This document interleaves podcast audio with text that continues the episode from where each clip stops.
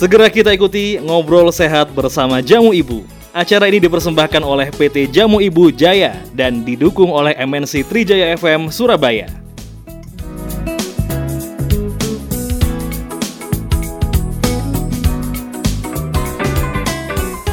Apabila Anda terlalu letih, kurang istirahat, tidur larut malam, dan makan sembarangan yang tidak sehat, hal tersebut menyebabkan menurunnya daya tahan tubuh dan berbahaya bagi kesehatan liver.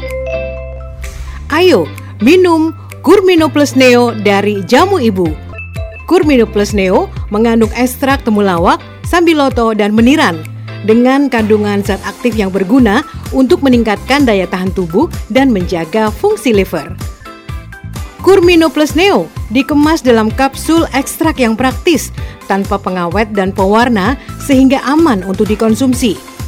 Sayangi liver dan jaga daya tahan tubuh Anda dari wabah virus corona dengan minum Kurmino Plus Neo satu kali sehari. Kurmino Plus Neo dari Jamu Ibu. Radio lawan COVID-19 104.7 Trijaya FM Surabaya The Real News and Information Selamat sore pendengar Trijaya Apa kabar Anda sore hari ini? Semoga dalam kondisi terbaik ya Tetap sehat, tetap semangat menjalani aktivitas Seperti juga saya di sini Wina Alifa yang bersama Anda di Trijaya Menyapa Kali ini kembali akan kita ikuti bincang-bincang kaitannya dengan kesehatan yaitu kita bicara tentang antisipasi asam urat dan hipertensi. Dan sudah hadir di studio narasumber sore ini akan menjelaskan topik kita juga menjawab pertanyaan-pertanyaan yang masuk dari Anda nanti pendengar Trijaya. Langsung saja saya sapa ada Dr. Yohana Natalia ST. Selamat sore Dr. Yohana. Sore Mbak Wina, kabar baik? Kabar baik. Sehat ya dok ya? Sehat. Kemudian juga sudah hadir Pak Peri Angli Sartono, Product Group Manager dari PT Jamu Ibu Jaya. Selamat sore Pak Peri. Ya, sore Mbak Wina. Wah, senang sekali Pak Peri dan Dr. Yohana kembali bisa hadir sore hari ini. Pendengar Trijaya, Anda yang ingin berinteraktif, konsultasi langsung dengan Dr. Yohana atau tanya-tanya seputar produk dari Jamu Ibu langsung saja ya. Teleponnya di 99241047. Bisa juga ke WhatsApp di 0811335 1047. Dan Tongso ini Anda juga bisa ikuti lewat YouTube, Facebook, dan Spotify MNC Trijaya Surabaya. Juga lewat Instagram at MNC Trijaya Surabaya. Dan kita buka perbincangannya sore ini ke Dokter Yohana dulu. Dokter, beberapa waktu sebelumnya kita bicara tentang diabetes dan kolesterol ya Betul. penyakit sejuta umat. nah sekarang ini juga kayaknya banyak yang menderita nih dok tentang asam urat dan hipertensi, ya Hipertensi. dok ya. Iya. Bisa dijelaskan dulu apa itu asam urat, apa itu hipertensi dok? Ah, sebelumnya jangan bosan ya, ini ketemu sama saya lagi nih. Enggak dong dok, malah kurang sekali. waktunya satu jam. Iya. Oke, jadi kalau hipertensi ini kan kalau dulu identik dengan penyakit orang tua ya Mbak Wina ya, katanya tapi gitu. Heeh, sekarang ini kita yang usia produktif muda Mm-mm. itu ternyata sudah bisa kena hipertensi. Cuman Aduh. kadang kitanya aja yang nggak tahu. Jadi kita memang harus screening walaupun kita ngerasa kita nggak sakit. Iya. Hipertensi sendiri itu adalah kondisi di mana terjadi kenaikan tekanan darah. Mhm. Kenaikan tekanan darahnya itu diukur dengan alat pengukur tekanan darah. Sebetulnya baiknya dengan ambulatory blood pressure. Mhm. Jadi itu diukur dalam waktu 24 jam full. Mhm. Tetapi kan eh, pada saat tidur juga diukur. Tapi Iya. kan nggak semuanya tempat itu ada ABPM. Mhm. Eh, tapi memang akuratan pakai itu. Maka dari itu cukup dengan menggunakan tensi yang ada di rumah atau tensi digital biasanya ya Mbak ya. Jadi kalau tensi yang kita periksa itu sudah di atas 140 per 8 per 90 Mhm. jadi sistolnya 140 dan diastol di per 90-nya sudah di atas dari itu dengan pemeriksaan minimal tiga kali dengan rentang waktunya 1 sampai 2 minggu berturut-turut itu sudah dikatakan hipertensi. Iya. Nah, jadi kalau apa sih sistol itu? Sistol itu adalah tekanan di dalam jantung pada saat dia memompa darah. Mhm. Sedangkan kalau diastol itu tekanan jantung pada saat dia mengembang menerima darah. Iya. Nah, jadi kalau udah di atas 140 per 90 dengan pengukuran yang kondisinya santai ya. Jadi jangan yang habis lari dikejar anjing atau lari ngejar angkot tiba-tiba langsung dicek udah pasti naik dong, Mbak Dina ya. Oh, iya. Jadi pada kondisi yang santai, duduk eh, dengan pengukuran tiga kali berturut-turut sudah di atas 140, oke Ah. ini sudah hipertensi. Tiga kali berturut-turut itu dalam rentang waktu berapa lama, Satu Dok? sampai dua minggu. Oh, satu sampai dua minggu. Jadi kalau Harus misalnya- setiap hari, Dok? Kalau boleh satu setiap hari juga boleh. Oh, Jadi kalau misalnya eh, mungkin sudah dirasa ada gejala lain terus beberapa hari dicek kok tinggi terus ya kita Iya. boleh katakan itu hipertensi. Atau bisa sekali pengukuran tapi langsung tinggi sekali itu bisa langsung Oh. didiagnosis sebagai hipertensi. Misalnya 170, 180 berarti sudah hipertensi. Walaupun pengukurannya baru sekali, tapi Gitu. kalau langsung tinggi parameternya udah langsung tinggi, bisa diseba, eh, bisa disebut langsung dengan diagnosanya hipertensi. oh baik. Jadi kita ke hipertensi dulu, baru nanti ke asam urat ya dok. Ciri-cirinya atau gejala yang dirasakan kalau hipertensi dok? Nah, ini sama seperti yang kita bahas dua minggu lalu kolesterol ya Mbak Wina. Nggak Iya. semuanya tuh kita bisa merasakan hipertensi atau dia disebut dengan ansimptomatik. Iya. Nggak ada simptomnya, nggak ada gejalanya. Malah katanya disebut silent killer juga Betul, kan dok? silent killer. Jadi kita juga harus pinter-pinter nih kita ngecek history keluarga kita. Apakah ada yang punya riwayat hipertensi orang tua kita atau Pak D, Bude, Mbah Mm-mm. dan barangkali Iya. mereka punya bisa juga kita memiliki genetik hipertensi juga. Selain itu kalau memang sudah ada gejala ringan sedang, Iya. biasanya sih yang paling eh, paling sering terjadi itu adalah eh, sakit kepala ya. Sakit kepala yang seperti diikat dan menjalar sampai ke leher tegang gitu. Kalau kita Iya. bilangnya tension type headache. Oh. Jadi dia sakit kepala yang disebabkan karena peningkatan tekanan darah. Uh, rasanya kayak ditarik gitu, Mbak. Mbak Wina, Iya. kayak ditarik. Selain itu ada juga mual muntah, lalu susah gangguan tidur, Iya. lalu juga gangguan penglihatan bisa dari kabur, lalu ada spot-spot tertentu yang kita nggak bisa lihat atau yang disebut dengan skotoma. Karena di eh, bola mata kita tuh belakangnya ada pembuluh darah, pembuluh darah retina. Jadi kalau itu ada hipertensi retinopati sudah pasti akan ada gangguan penglihatan sampai kebutaan. Oh. Sampai parahnya Hmm. nanti bisa terjadi penurunan kesadaran, koma. Itu kalau memang sudah apa ya kayak pembuluh darahnya sudah ada yang pecah dan kebetulan pecahnya di otak. Hmm. Jadilah gejala stroke. Kalau gangguannya di pembuluh darah jantung, jadilah gangguan jantung begitu. Jadi tergantung organnya kena di mana. Di ginjal pun juga bisa kena. Itu Jadilah yang disebut ginjal. komplikasi itu ya dok? Betul. Jadi kalau memang tidak ditangani dengan baik dalam waktu lama pasti akan terjadi komplikasi di organ-organ penting lainnya. Bahaya, Mbak Gina. Iya baik. Tadi di awal dokter Yohana menyebutkan dulu hipertensi itu katanya penyakit orang tua, tapi makin ke sini yang usia produk- produktif pun itu bisa kena. Penyebabnya apa nih dok? Yang pasti eh, dari semua penyakit itu ada satu yang kita nggak bisa elakkan yaitu genetik ya. Jadi kita bawaan gitu ya. Nggak bisa Kita nggak bisa ditolak. ditolak. Tapi selain itu yang paling penting adalah karena lifestyle yang tidak bagus. Hampir Iya. sama sebetulnya dengan yang diabetes, dengan kolesterol yang Iya. sebelumnya kita sudah bahas. Lifestyle yang tidak baik dengan cara minum alkohol yang berlebihan, lalu konsumsi eh, makanan yang terlalu banyak mengandung natrium atau garam, itu juga bisa menyebabkan hipertensi. Lalu kondisi eh, hiperkolesterolemia Oh baik. Sampai dengan obesitas itu juga mempengaruhi terjadinya hipertensi. Lalu juga merokok, karena merokok itu kan bisa menyebabkan eh, vasokonstriksi pembuluh darah, Iya. penyempitan pembuluh darah. Lalu juga eh, dengan stresor yang terlalu banyak, sebetulnya kita nggak bisa me- apa ya, tidak bisa Mengkambing menghindari hitam. Menghindari stres. Iya. Tapi dengan bagaimana cara kita me- memanage stres itu, Mengelola stres. mengelola stres itu. Lalu juga aktivitas yang kurang, tidak berolahraga itu juga bisa sebagai pemicu terjadinya hipertensi. Gitu. Eh, tentang tekanan darah nih dok, ada yang bilang kalau yang atas tinggi tuh nggak apa-apa, yang nggak boleh tuh tekanan darah yang bawah itu nggak boleh tinggi gimana dok? Ada yang pendapat seperti itu? Nah, itu kita net- kembali lagi ke parameternya ya. Kan kalau normalnya itu cut off-nya kita tuh adalah di 120 per 80. Jadi di bawah itu masih oke. Iya. Itu kita lihat harus dua dua apa namanya? dua aspek. Jadi kalau salah satu itu sistolnya naik tapi diastol atau bawahnya Mm-mm. tidak naik, ya sudah hipertensi. Atau yang bawahnya naik tapi atasnya nggak naik, ya sudah hipertensi. Cukup karena, salah satu saja ya. karena memang eh, mempunyai peranan penting masing-masing, yaitu satu organ yang Mm-mm. sama, tapi dia yang satu meningkat pada saat dia memompa, Mm-mm. yang satu dia meningkat pada saat dia mengisi. Jadi Oh. salah satu aja dia sudah naik, berarti ada masalah, ada gangguan di pembuluh darah kita. Baik. Nah, Gitu. ini ada joke nih, Dok. Saya ingat katanya gini. Kalau yang tinggi itu tekanan atas itu terlalu banyak mikir. Kalau yang tinggi itu tekanan bawah itu makannya yang nggak bener. Kalau atas bawah tinggi itu karena kebanyakan mikirin makanan. Mikirin katanya. makanan. ya ada itu. aja ya. Kebanyakan Tapi scrolling makanan- Gojek kayaknya. yang enak-enak tadi yang mengandung natrium ya. Jadi garam itu juga bisa jadi pemicu ya, Dok? Betul.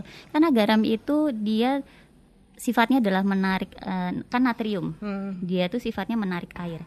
Jadi semua cairan yang ada di ekstravaskuler kita akan tertarik masuk ke dalam pembuluh darah kita. Ya. Sehingga menyebabkan tekanan yang ada di pembuluh darah kita akan meningkat Hmm. karena cairannya semua masuk ke pembuluh darah. Maka dari itu kalau orang dengan hipertensi harus membatasi asupan garamnya. Hmm. Begitu. Padahal yang enak-enak itu memang yang ya asin-asin dikit Iya. gitu ya atau lebih asin itu biasanya lebih enak. Betul. Oke, baik. Ini baru perbincangan kita di awal ya, pendengar Trijaya tentang hipertensi. Segmen berikutnya nanti lanjut lagi, Dokter Yohana akan menjelaskan tentang asam urat. Juga jangan khawatir, nanti Pak Peri juga akan menyampaikan ya produk-produk dari PT Jamu Ibu Jaya yang bisa membantu mengatasi asam urat dan hipertensi.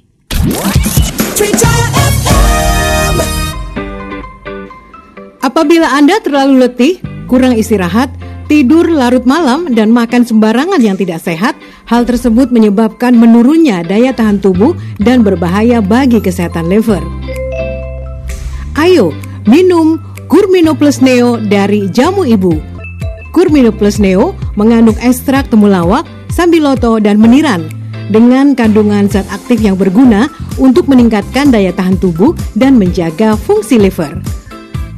Kurmino Plus Neo dikemas dalam kapsul ekstrak yang praktis, tanpa pengawet dan pewarna sehingga aman untuk dikonsumsi. Sayangi liver dan jaga daya tahan tubuh Anda dari wabah virus corona dengan minum Kurmino Plus Neo satu kali sehari.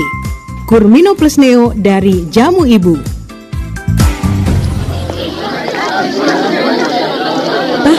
Ambil baju ini ya. Terus sepatu yang ini juga. Tas ini bagus kan, Pak? Kacamata ini juga. Sama kalung yang ini ya, Pak? Mama, minggu kemarin kan sudah belanja banyak.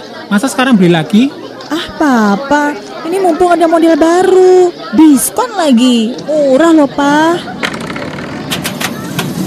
Maaf Bapak, kartunya decline. Ada kartu lain atau bisa pembayaran dengan uang cash? Waduh, saya nggak ada kartu lain, Mbak. Ini juga nggak bawa uang cash. Iya, Mbak yo. Maaf Bapak, transaksinya terpaksa dibatalkan ya.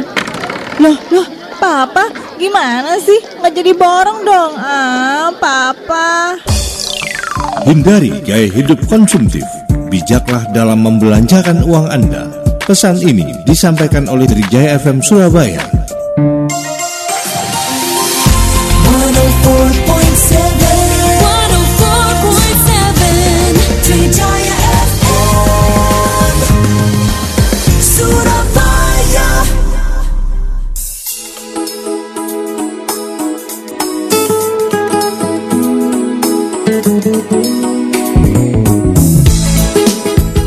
Ngobrol sehat bersama Jamu Ibu kembali bersama Anda.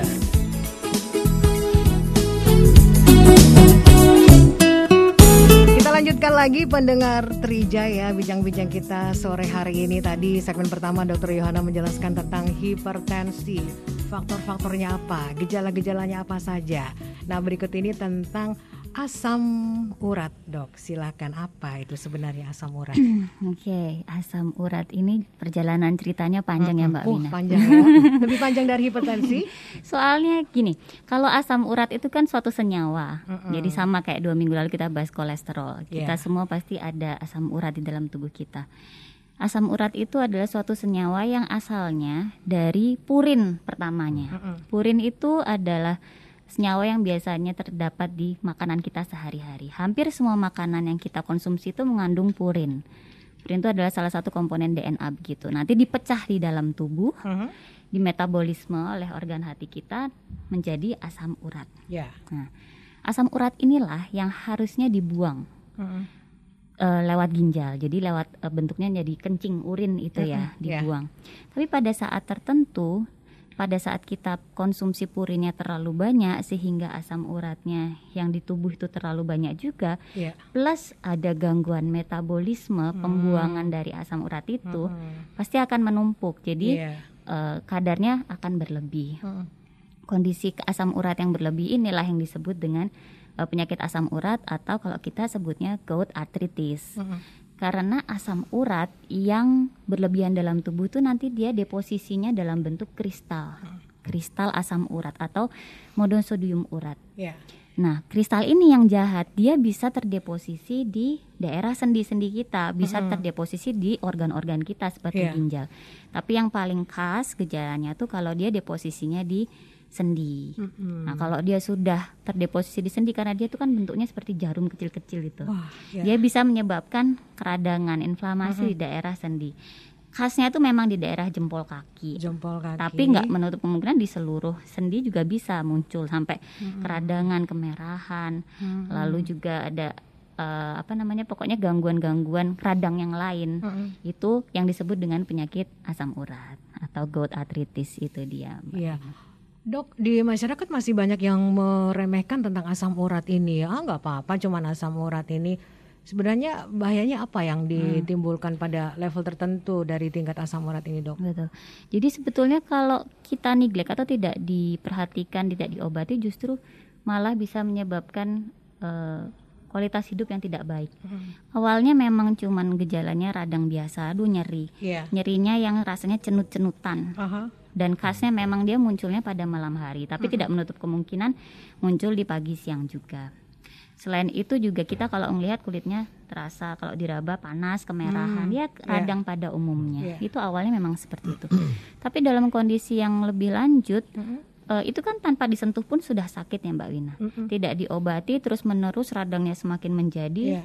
semakin menyebar ke lutut, ke tulang besar. Akhirnya jadi tidak bisa bergerak, tidak bisa Beraktivitas. beraktivitas dengan baik. Jadi Iya. kualitas hidupnya pasti menurun. Ada yang bahkan sampai harus pakai kursi roda ke mana-mana. seperti itu ya, Sampai Dok? seperti itu.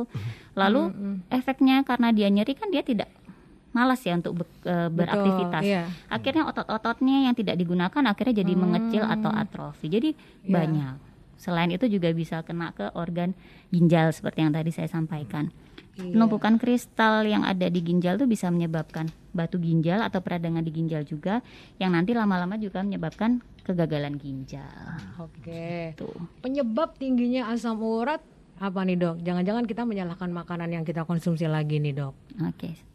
Pasti nomor satu tetap dietari ya, karena Tetap ya. tet- karena purin itu seperti saya bilang tadi hampir semua makanan yang kita makan itu ada purinnya. Jerohan, daging merah, seafood, oh pokoknya yang enak-enak semua itu semua ada purinnya. nah, selain dari makanan, kalau kita makan berlebih udah pasti naik dong asam urat Iya. kita. Tapi dari eh, konsumsi alkohol juga bisa loh mbak. Konsumsi alkohol, aktivitas yang tidak baik, memiliki faktor risiko obesitas, Iya. kadar kolesterol yang tinggi dan memiliki penyakit metabolik yang lain seperti diabetes berarti di dalam tubuhnya metabolismenya dia sudah tidak baik.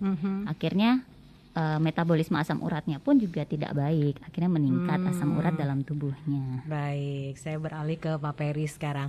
Pak Peri kalau mendengarkan penjelasannya Dokter Yohana, kita nih hidup kayaknya nggak bisa los-losan gitu ya Pak Peri. Makan harus dijaga, nggak boleh berlebihan. Ya, memang harus seperti itu.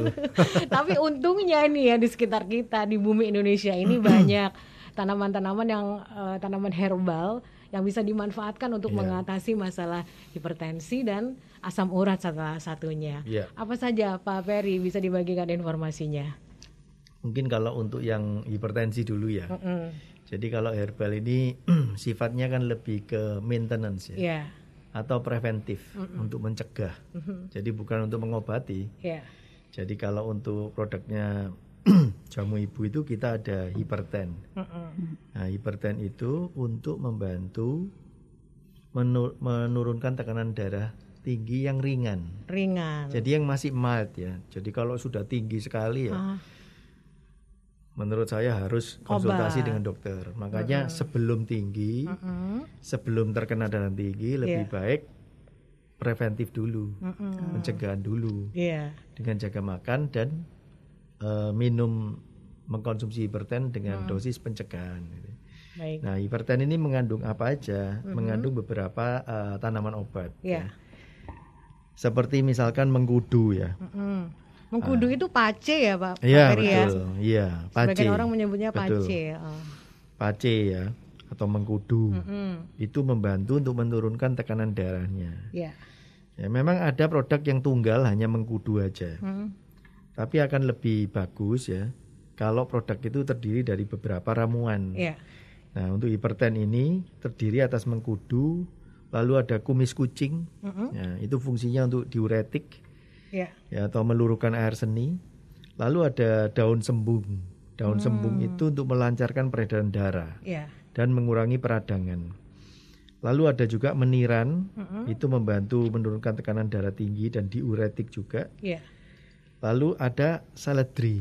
Seledri. Nah, seledri. Betul. Seledri ini untuk meningkatkan sirkulasi, mengurangi peradangan dan membantu menurunkan tekanan darah. Makanya ada yang kalau orang yang biasanya sehari-hari pengennya, oh saya pengennya yang seger aja, Ah, minumnya jus Jus seledri. itu ada juga. Kalau saya juga. seledrinya tuh sama bakso atau sama soto lebih enak tuh Iya. Ferry ya Tapi kan ya? nggak- nggak bisa banyak. Garamnya ya. gimana Mbak Wina? Garamnya. Itu, Iya iya Mbak iya. Wina. Oh baik. Terus juga buah-buahan Pak Ferry seperti belimbing ya, semangka, mentimun, bisa. katanya bagus juga tuh. Bisa juga. Tapi kan memang kalau kita mengkonsumsi yang segar, Iya. perlunya kan banyak Iya. dan betul. ribet kan. gitu. Nyarinya di mana iya, lagi ya? kan ribet ya. Nah, kalau ini kan sudah kapsul, bentuknya kapsul dan ekstrak. Mm-mm. Jadi hanya zat aktifnya aja yang ada di situ. Iya. Jadi sehingga lebih efektif kan, nggak perlu minum seledri banyak sama jus mengkudu. Sama atau apa tadi bunga sembung, daun sembung. Iya, banyak. Itu yang kayak gimana ya bentuknya daun sembung kalau harus nyari repot ya Pak Ferry ya. Gitu. Baik, Pak kalau untuk produk jamu ibu hiperten misalnya ini benar-benar hanya kandungan alami ya Pak ya? Iya. Mungkin ada yang kita- khawatir kan ya, jangan-jangan ada Ya. campuran kimia Enggak, lagi kalau, Pak? Ya, kalau untuk eh jamu ibu ya, kita pure alami herbal 100% tanpa zat kimia. Iya. Nomor eh, nomor pendaftarannya itu memakai BPOM. Oh, nomor baik. TR. TR itu tradisional ya, Iya. tidak salah ya. Jadi tidak boleh ada campuran bahan kimia sama sekali. Kalau sampai ditemukan di lapangan ada produk yang mengandung bahan kimia ya pasti baik. Wah, ditegur ya Disemprit. sama BPOM, dilarang beredar itu pasti. Ya, karena produk jamu dan produk farmasi ini nggak main-main. Mulai dari pendaftaran sampai peredaran itu ada izinnya. dan prosesnya lama untuk Prosesnya itu ya Pak. lama dan tiap lima tahun sekali harus Uji didaftar ulang. Oh, luar biasa. Itu. Baik, itu hiperten ya Pak. Ya. Untuk hipertensi. Oh ya, mengkonsumsinya berapa kali Pak Ferry? Kalau hiperten ada dosis ma- eh, pencegahan maupun pengobatan ya. Mm-mm. Jadi kalau yang eh, untuk dosis pencegahan itu satu kali sehari langsung dua kapsul Iya. ya setelah makan maksudnya. Mm. Nah kalau untuk yang pengobatan ya itu bisa dua kali sehari dua kapsul. Jadi cuma dikalikan dua aja. Oh baik. Nah cuman kita juga ada yang bentuk serbuk. Jadi ada orang yang masih sukanya diseduh ya. Menyeduh jamu. Iya, jadi serbuk ekstrak itu satu kali sehari satu bungkus saja. Kalau untuk Oh, iya. pengobatan satu eh, dua kali sehari dua bungkus. Jadi tiga- tinggal dikalikan dua saja. Jadi jamu ibu juga masih mempertahankan tradisi minum jamu ya Pak dengan ada Hmm, masih, sediaan masih. serbuk tadi ya. Masih. Oh baik. Nah dari hiperten untuk Hmm. hipertensi, kalau untuk yang asam urat Pak Ferry. Kalau yang asam urat juga ada uratan ya produk kita ya. Jadi uratan ini membantu meredakan pegal linu dan nyeri sendi Mm-mm. yang, diaki- eh, yang diakibatkan oleh asam urat. Ya. Nah, komposisinya ada macam-macam ya. Kan memang yang biasanya digunakan oleh asam urat kan sambiloto biasanya Betul. gitu ya. Ya. Sambiloto itu gunakan asam urat. Cuman kalau di uratan ini ada beberapa ramuan, ada beberapa uh, komposisi herbal ya. Di antaranya ada jinten hitam. Ya. Nah, jinten hitam ini gunanya selain untuk antioksidan itu juga dia untuk anti inflamasi atau anti radang. Seperti yang dikatakan dokter Yohana tadi, kalau kena asam urat kan bengkak sendi-sendinya. Itu ya. Jadi dia mengurangi peradangan da- di sendi-sendinya. Lalu kalau untuk sambiloto itu membantu menurunkan kadar asam uratnya. Ya. Lalu juga ada temulawak, ini juga anti radang. Hmm? Lalu ada kayu anyang. Nah, kayu, Kayu? anyang ini kayu anyang. Anyang. Ya, itu fungsinya untuk diuretik atau meluruhkan air seni. Jadi kadar asam uratnya dikeluarkan lewat air seni. Lalu ada juga kayu manis ya. Ya. Itu menurunkan kadar asam urat dan meredakan nyerinya. Ya biasanya kalau bengkak kan dia juga nyeri ya. Lalu ada juga cengkeh. Ya. Nah, cengkeh ini menur- eh, membantu menurunkan kadar asam urat yang tinggi dan meredakan nyeri juga. Oke. Makanya ada juga orang yang sakit gigi biasanya dikasih cengkeh karena cengkeh itu eh, analgesik. Hmm. Eh, Boleh dicoba nah. ya, analgesik. Gitu, Mbak Wina. Baik. Nah, kita mulai menjawab pertanyaan yang masuk dari pendengar Trijaya. Oh ya, saya ingatkan juga untuk Anda pendengar Trijaya, Anda bisa mengikuti talk show ini lewat YouTube, Facebook, dan Spotify MNC Trijaya Surabaya. Juga live Instagram at MNC Trijaya SBY. Lewat WA di 0811 335 Anda bisa berinteraksi. Dan yang pertama dari Ibu Wahyu. Dokter, saya pernah mendengar hipertensi pada anak-anak itu penyebabnya apa ya dok dan apakah masih akan terus terbawa sampai dewasa atau tua nanti anak-anak kena hipertensi bagaimana ini dok Oke. Jadi kalau untuk anak-anak ini kasus khusus ya. Dari selain yang kita bahas tentang genetik tadi, Iya. itu berarti metabolismenya tubuh dalam mengatur tekanan darah sudah tidak baik. Jadi dalam pembuluh darahnya sendiri dia sudah terjadi kelainan misalnya pembuluh darahnya dia cenderung kaku Iya. sehingga dia tekanannya cenderung tinggi di situ. Ada penambahan volume sedikit dia sudah eh, alertnya oh ini tinggi nih padahal Iya. sebetulnya volumenya normal tapi karena pembuluh darah sudah nggak bagus dia sudah jadi tinggi. Ada lagi penyakit lainnya yang bisa menyebabkan tekanan darah anak itu tinggi adalah kelainan pada ginjal. Jadi eh, keradangan pada ginjal atau kelainan ginjal yang bisa eh, terjadi lambat eh, lama itu bisa menyebabkan gangguan hipertensi. Karena hipertensi dengan gangguan ginjal yang biasanya terjadi pada anak itu orang dewasa pun juga ya Pak Peri. Itu adalah suatu lingkaran setan. Mereka tuh saling mempengaruhi. Jadi kondisi ginjal yang rusak, entah itu karena genetik ataupun karena eh, dapatan. Dapatan itu bisa karena drug induce, bisa juga karena eh, keracunan pada saat lifestyle yang tidak baik.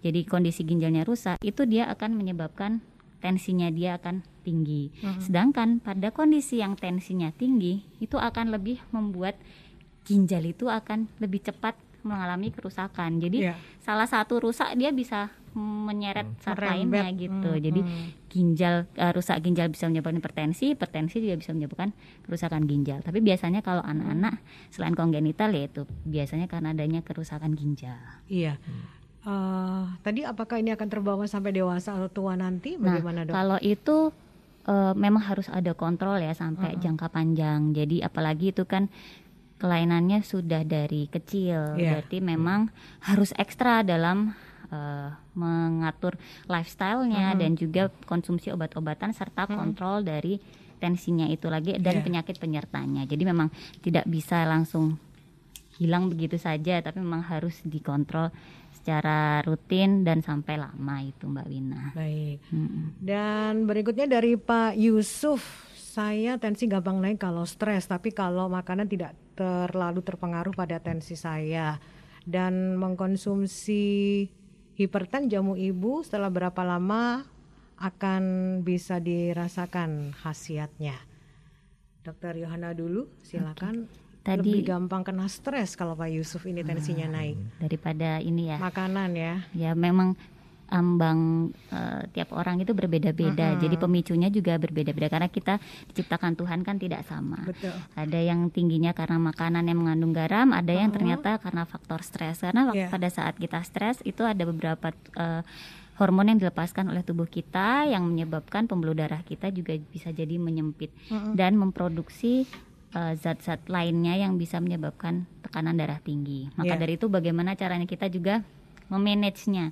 Kan sebetulnya kalau yang satu eh, disalip mobil Mm-mm. kita juga bisa kan marah-marah, aduh kesel gitu. Tapi kita juga bisa memilih untuk ah ya sudahlah. Iya, legowo. Jadi kuncinya beda-beda ya. kalau legowo berarti kan mengurangi resiko kita untuk terkena hipertensi sebetulnya. Tapi itu kan ngempet gitu dok, itu bagus nggak untuk Mesti Kesehatan. ikhlas. harus dikeluarkan Harus gitu. jangan diumpen. kalau memang ternyata lebih lega kalau buat marah-marah nggak apa-apa Ya dikeluarin marah aja. Tapi ada konsekuensinya juga Iya, ya. Terus juga kalau misalnya stresnya itu pas tanggal-tanggal tua Tua, aja, itu- pas lihat ATM lu kok belum masuk transferan. Sama kalau itu saya Oh, juga sama Mbak ya? Wina ya. Tinggal jawil-jawil aja sih. Oke. Nah, Pak Yusuf tadi juga bertanya Pak Ferry setelah berapa Ya. lama mengkonsumsi nanti baru akan dirasakan khasiatnya.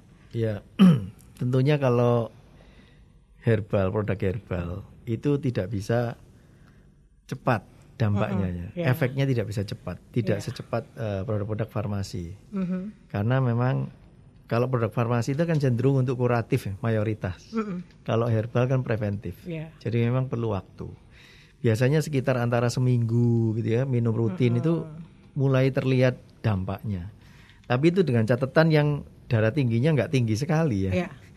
Jadi kalau dia masih normalnya itu berapa tuh dok? 120 per 80 tadi. Nah 120 sama 80 Misalkan dia sudah 125 Itu kan masih rendah ya Iya. Sudah mulai tinggi-tinggi Tapi sudah sering 125, 130 Lah itu yang menurut saya bisa Hmm. diatasi dengan herbal Nah biasanya antara seminggu sampai 10 hari Tapi minumnya rutin ya Rutin ya. Dan itu tidak bisa di setelah kalau kita minum dosis pencegahan ya harus minum terus kalau memang ada eh, indikasi darahnya tinggi. Mm-mm.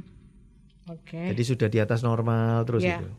Itu biasanya kita minum antara seminggu sampai 10 hari itu bisa dicek ulang. Mm-mm. Tapi makanannya juga dijaga, ya. Jadi nggak Dijaga. bisa terus minum jamu atau Makanannya minum los. herbal makanannya los. Nah, ini. Bakso seledri Mbak. Nah, itu. Enak loh dok jadi wangi tuh baksonya bau seledri. Oke kita masih punya satu segmen lagi untuk melanjutkan bincang-bincang kita. Tetap bersama kami.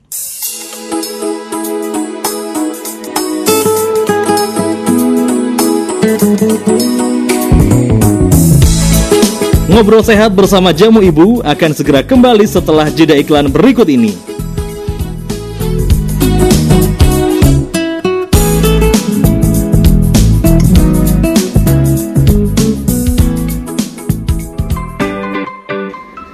Apabila Anda terlalu letih, kurang istirahat, tidur larut malam, dan makan sembarangan yang tidak sehat, hal tersebut menyebabkan menurunnya daya tahan tubuh dan berbahaya bagi kesehatan liver. Ayo, minum Kurmino Plus Neo dari Jamu Ibu. Kurmino Plus Neo mengandung ekstrak temulawak, sambiloto, dan meniran dengan kandungan zat aktif yang berguna untuk meningkatkan daya tahan tubuh dan menjaga fungsi liver. Kurmino Plus Neo dikemas dalam kapsul ekstrak yang praktis, tanpa pengawet dan pewarna sehingga aman untuk dikonsumsi. Sayangi liver dan jaga daya tahan tubuh Anda dari wabah virus corona dengan minum Kurmino Plus Neo satu kali sehari. Kurmino Plus Neo dari Jamu Ibu.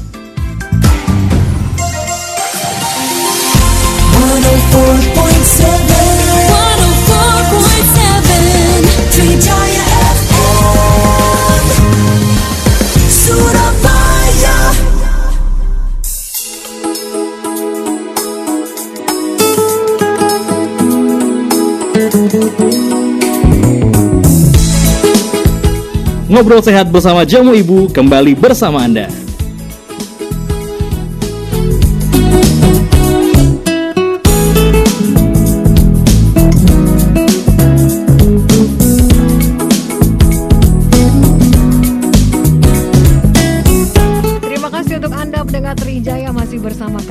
Mengikuti bincang-bincang tentang hipertensi dan asam urat. Bagaimana mengantisipasinya?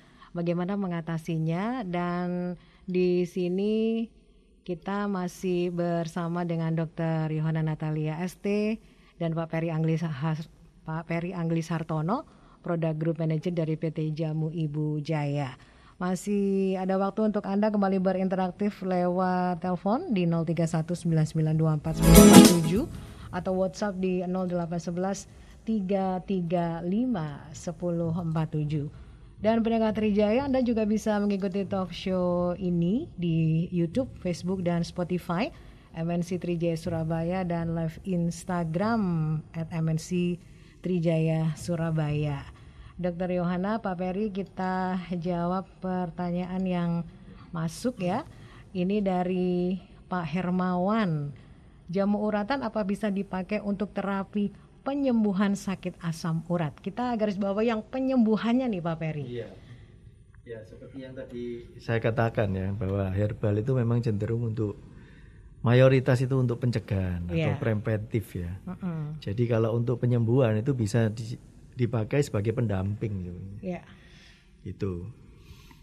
pendamping ya. Iya, pendamping dan itu harus dikasih jarak ya. Kalau misalkan ada Hmm. obat dari dokter, itu harus dikasih jarak antara dua jam lah ya. Oke. Kemudian ini dari Pak Franz. Saya penderita hiperurisemia. Oh, asam urat. Nefrologis saya menyarankan minum allopurinol dosis tertentu lifetime. Apakah ada efek sampingnya? Batas tekanan darah yang masih bisa ditangani hiperten berapa ya? Apakah kalau minum produk tersebut obat dokter juga tetap diminum? Silakan. Minum allopurinolnya harus seterusnya ada efek sampingannya atau bagaimana, Dok? Jadi kalau penyakit metabolisme ya, ini kan kalau asam urat itu termasuk dia penyakit metabolisme, hipertensi juga, diabetes Mm-mm. dan kolesterol pun juga. Mm-mm. Kalau sampai ada kelainan di situ, berarti tubuh kita memang sudah ada eh, kekurangan, Iya. yaitu kelainan di metabolismenya. Hmm. Artinya kita bisa normal itu karena kita menjaga lifestyle plus adanya obat itu. Iya. Jadi kalau kita menyetop obat yang diberikan oleh dokter itu akan terjadi kemungkinan kita akan kembali ke metabolisme yang Mm-mm. tidak bagus itu.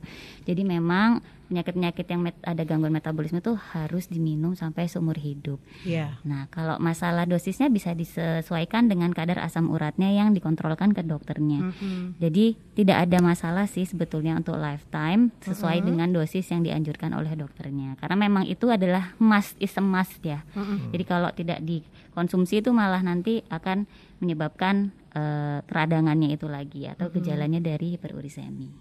Kan ada yang masih berpendapat kalau kebanyakan minum obat, apalagi obat-obat yang diminum seumur hidup itu nanti levernya rusak, ginjalnya rusak. Bagaimana dok? Ya, kembali lagi ke dosis Mm-mm. yang sesuai dengan kebutuhan. Pasti nanti akan di-adjust oleh dokternya. Jadi dilihat dari kadar asam uratnya. Jadi kayak gini, eh pasti juga dokternya akan melihat kondisi penyerta yang lain. Mm-mm. Contohnya pada pada pasien yang asam uratnya tinggi. Ya. Tapi kebetulan dia juga punya hipertensi. Nah, berarti ada beberapa obat nih yang tidak boleh Mm-mm. diberikan bersamaan. Contohnya Mm-mm. kalau ada obat hipertensi itu eh, diuretik biasanya ya diberikan Iya. diuretik. Obat yang untuk kencing-kencing menguras menguras cairan, Cairan. gitu. Itu justru tidak disarankan atau diberikan pada eh, pasien asam urat karena dapat Mm-mm. meningkatkan kadar asam urat. Jadi semuanya itu pasti harus dikomunikasikan dengan dokter dokter Iya. yang me- merawat begitu. Kemudian masih pertanyaannya Pak Franz, batas tekanan darah yang masih bisa ditangani oleh hiperten itu berapa? Oh, jadi kalau segini saya minumnya hiperten aja. Kalau Iya. udah segini saya obat dokter. Apakah kalau minum produk tersebut obat dokter tetap diminum? Batas Iya. tekanan darah ya. Jadi kalau untuk yang tekanan darah yang masih ringan seperti yang tadi saya utarakan, normalnya kan 120 ya. Iya. Nah, ini antara 125, 130 dan kadang turun, kadang naik lagi. Oh. Itu yang masih bisa diatasi oleh herbal ya. Tapi ya itu minumnya harus rutin. Ya, ta- dan juga jaga makan, Iya. jaga stres itu nggak bisa terus oh saya minum ini aja Mm-mm. herbal aja minum hiperten tapi saya tetap makannya ngawur dan sebagainya. Pengennya kan gitu, Pak Peri, tetap bisa makan bebas. Nah ini Pokoknya kan minum obat. Mungkin saya bisa menambahkan ya Mbak Silakan, Wina ya. iya. Jadi kalau untuk hipertensi itu kan ada beberapa grade ya Pak Peri ya. Ya. Mm-mm. Kalau kita kan cut off-nya tadi 120 per 80 ke bawah itu masih normal. Tapi dari 120 sampai 139 per 80 sampai 89 itu disebut dengan prehipertensi. Kondisi dengan prehipertensi ini tidak melulu kita harus langsung diberikan obat obat farma iya. obat farmasi. Iya. Jadi kita bisa atur dengan lifestyle yang baik baik dulu, Iya. lalu dengan oh, obat-obatan herbal yang disarankan yang sesuai dengan BPOM itu kita bisa coba dulu. Jadi Iya. tidak langsung dengan uh, obat-obatan. Selain itu uh, kalau sudah masuk yang grade 2 eh grade 1 yaitu uh, 140 sampai 159 per 90 sam- eh, 80 sampai 90 itu berarti sudah termasuk hipertensi grade 1. Kalau Ya. di atas 160 berarti yang grade 2. Gitu. Nah, itu yang sudah harus eh, diberikan obat-obatan Ya. kombinasi. Pak Frans tadi juga tanya kalau minum hiperten, obat dokter apa masih harus dikonsumsi, Pak Peri? Bisa tapi dikasih Jeda. jeda ya. Saran saya dikasih jeda. Begitu Dua Pak jam. Frans. Dua jam. Ya. Ini dari Ibu Rika pertanyaannya hampir mirip dengan Pak Anto di Surabaya. Bu Rika, apa dengan rajin olahraga bisa mengobati sakit asam urat? Kemudian dari Pak Anto, olahraga apa yang cocok untuk mengobati hipertensi, kardio atau latihan beban? Dua-duanya tentang olahraga, dok. Hmm. Oke. Kalau ul- olahraga mengurangi asam urat ya bisa sedikit mencegah ya karena olahraga itu kan berarti seluruh tubuhnya kita bergerak. Betul. Ya, yang pertama tujuannya adalah untuk meningkatkan demand supaya kita apa yang kita makan asupannya ini bisa keluar lewat energi yang digunakan. Kalau kita yang kita makan dengan yang dikeluarkan tidak seimbang, Ya. olahraganya kurang, pasti akan terjadi masalah berkolesterolemia yang ke- yang juga ujung-ujungnya bisa meningkatkan asam urat, deposisi di daerah sendi. Nah, dengan cara kita bergerak juga akan membuat range of motion dari sendi kita juga akan lebih luas. Akhirnya akan eh, apa ya resiko untuk terjadi peradangan akan semakin kecil. Ya. Nah, untuk yang pertanyaan Pak, siapa? Yang tadi Pak Anto, kalau untuk yang punya hipertensi, bagusnya olahraga kardio atau angkat beban. Kardio itu bersepeda, jalan, lari itu ya dok ya? Iya. Jadi itu nanti disesuaikan ya karena dua-duanya itu su- eh, impactnya besar. Pada kardio seperti sepeda ataupun lari Iya. itu ada peningkatan tekanan darah walaupun tidak langsung. Ya. Jadi dia pasti eh, kalau kita mau ngecek tuh dengan cek yang treadmill tapi sambil dipasang EKG itu, itu akan pada titik-titik tertentu kalau kita sudah nggak kuat dia akan tensinya akan naik sangat tinggi melonjak. Jadi kardio boleh sebetulnya tapi sesuaikan dengan kemampuan kita. Pada saat kita merasa ini sudah kita sudah tidak kuat jangan dipaksakan karena itu nanti akan meningkatkan pelonjakan. Kalau angkat beban sebetulnya impactnya dia cepat, tapi re- restingnya juga cepat. Oh. Jadi peningkatannya cepat, tapi pada saat berhenti dia turunnya cepat. Jadi sebenarnya sama-sama aja sih Mbak Vina. Sesuaikan juga dengan kemampuannya masing-masing. Iya. Jangan emosi. Nanti sepedaan balapan. Iya. Jangan bernafsu olahraganya Iya. ya. Kemudian Bu Dani, ini jadwal talkshow-nya tiap Rabu ya. Gimana Pak Peri bisa dijelaskan jadwal talkshow-nya? Iya, ya Dua minggu sekali ya Pak Peri tiap ya? Rabu ya. Minggu Selanjutnya tanggal 23 kan. tanggal 23, minggu kedua dan minggu keempat Iya. ya Pak Peri ya. Iya. Setiap hari Rabu. Kemudian Pak Peri, bagaimana mendapatkan produk uratan dan hiperten juga informasi harganya bisa disampaikan Pak? Ya. Eh, uratan dan hiperten ini bisa dibeli di toko obat, toko jamu, ya, apotek, lalu di online juga bisa ya. Iya. Atau bisa juga lewat home delivery service. Jadi bisa kontak kita by WA. Nanti tinggal kita kasih e-katalog, Ya. tinggal dipilih produknya, lalu transfer kita kirim. Jadi nomor home delivery service kita itu di 081 Oke. 2367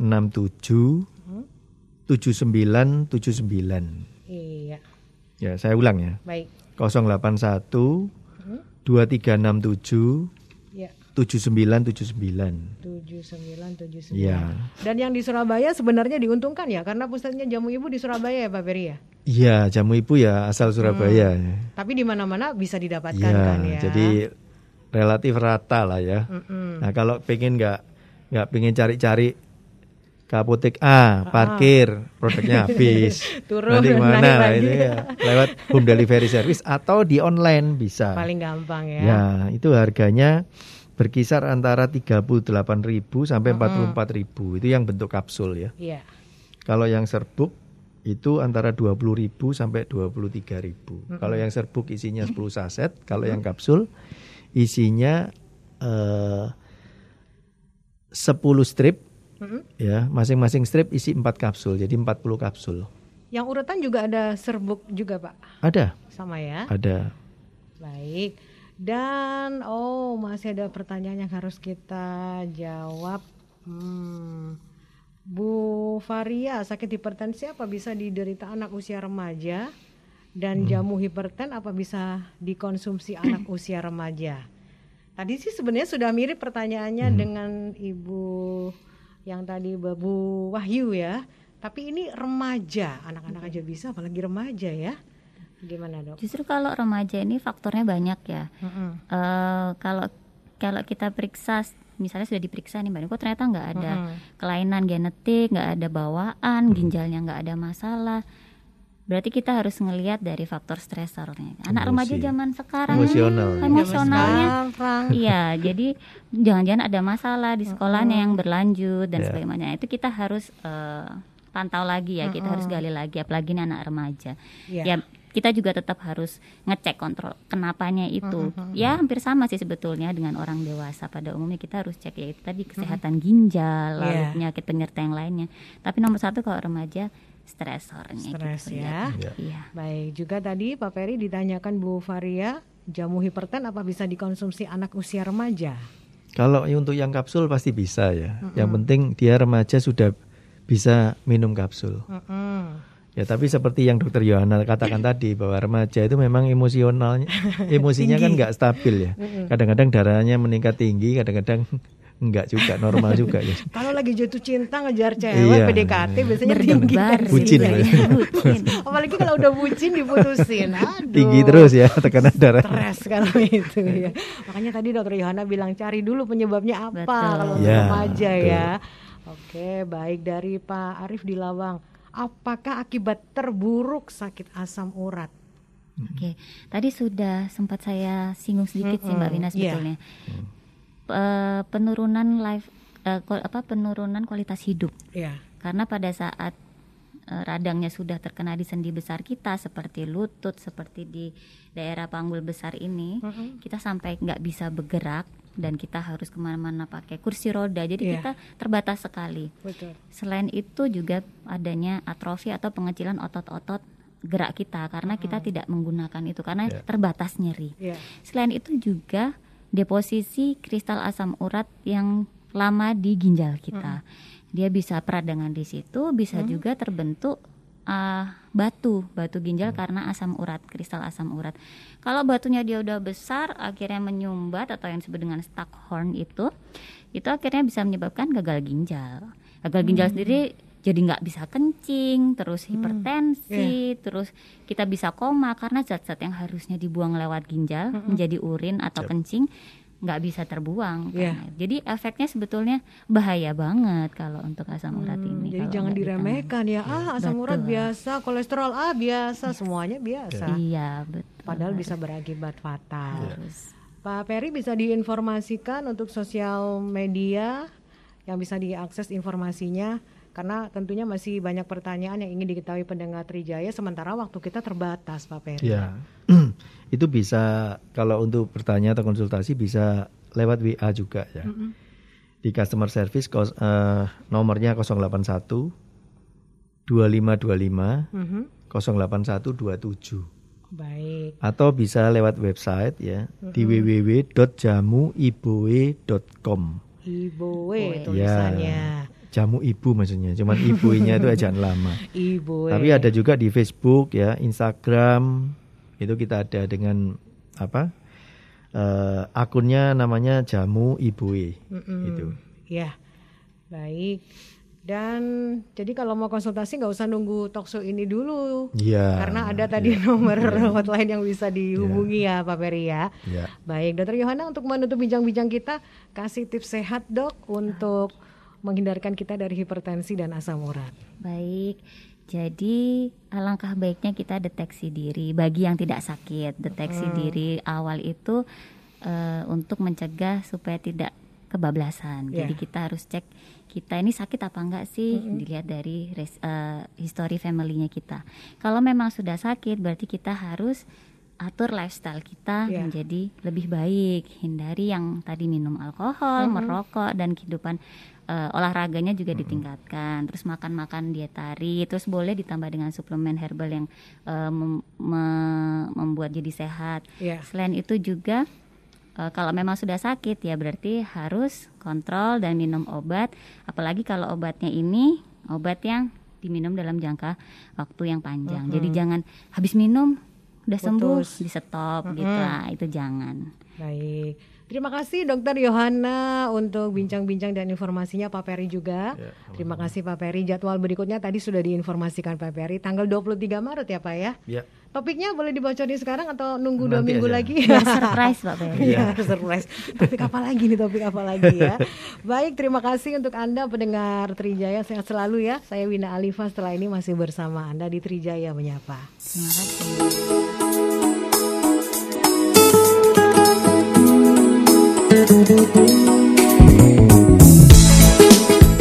Telah kita ikuti ngobrol sehat bersama Jamu Ibu. Acara ini dipersembahkan oleh PT Jamu Ibu Jaya dan didukung oleh MNC Trijaya FM Surabaya.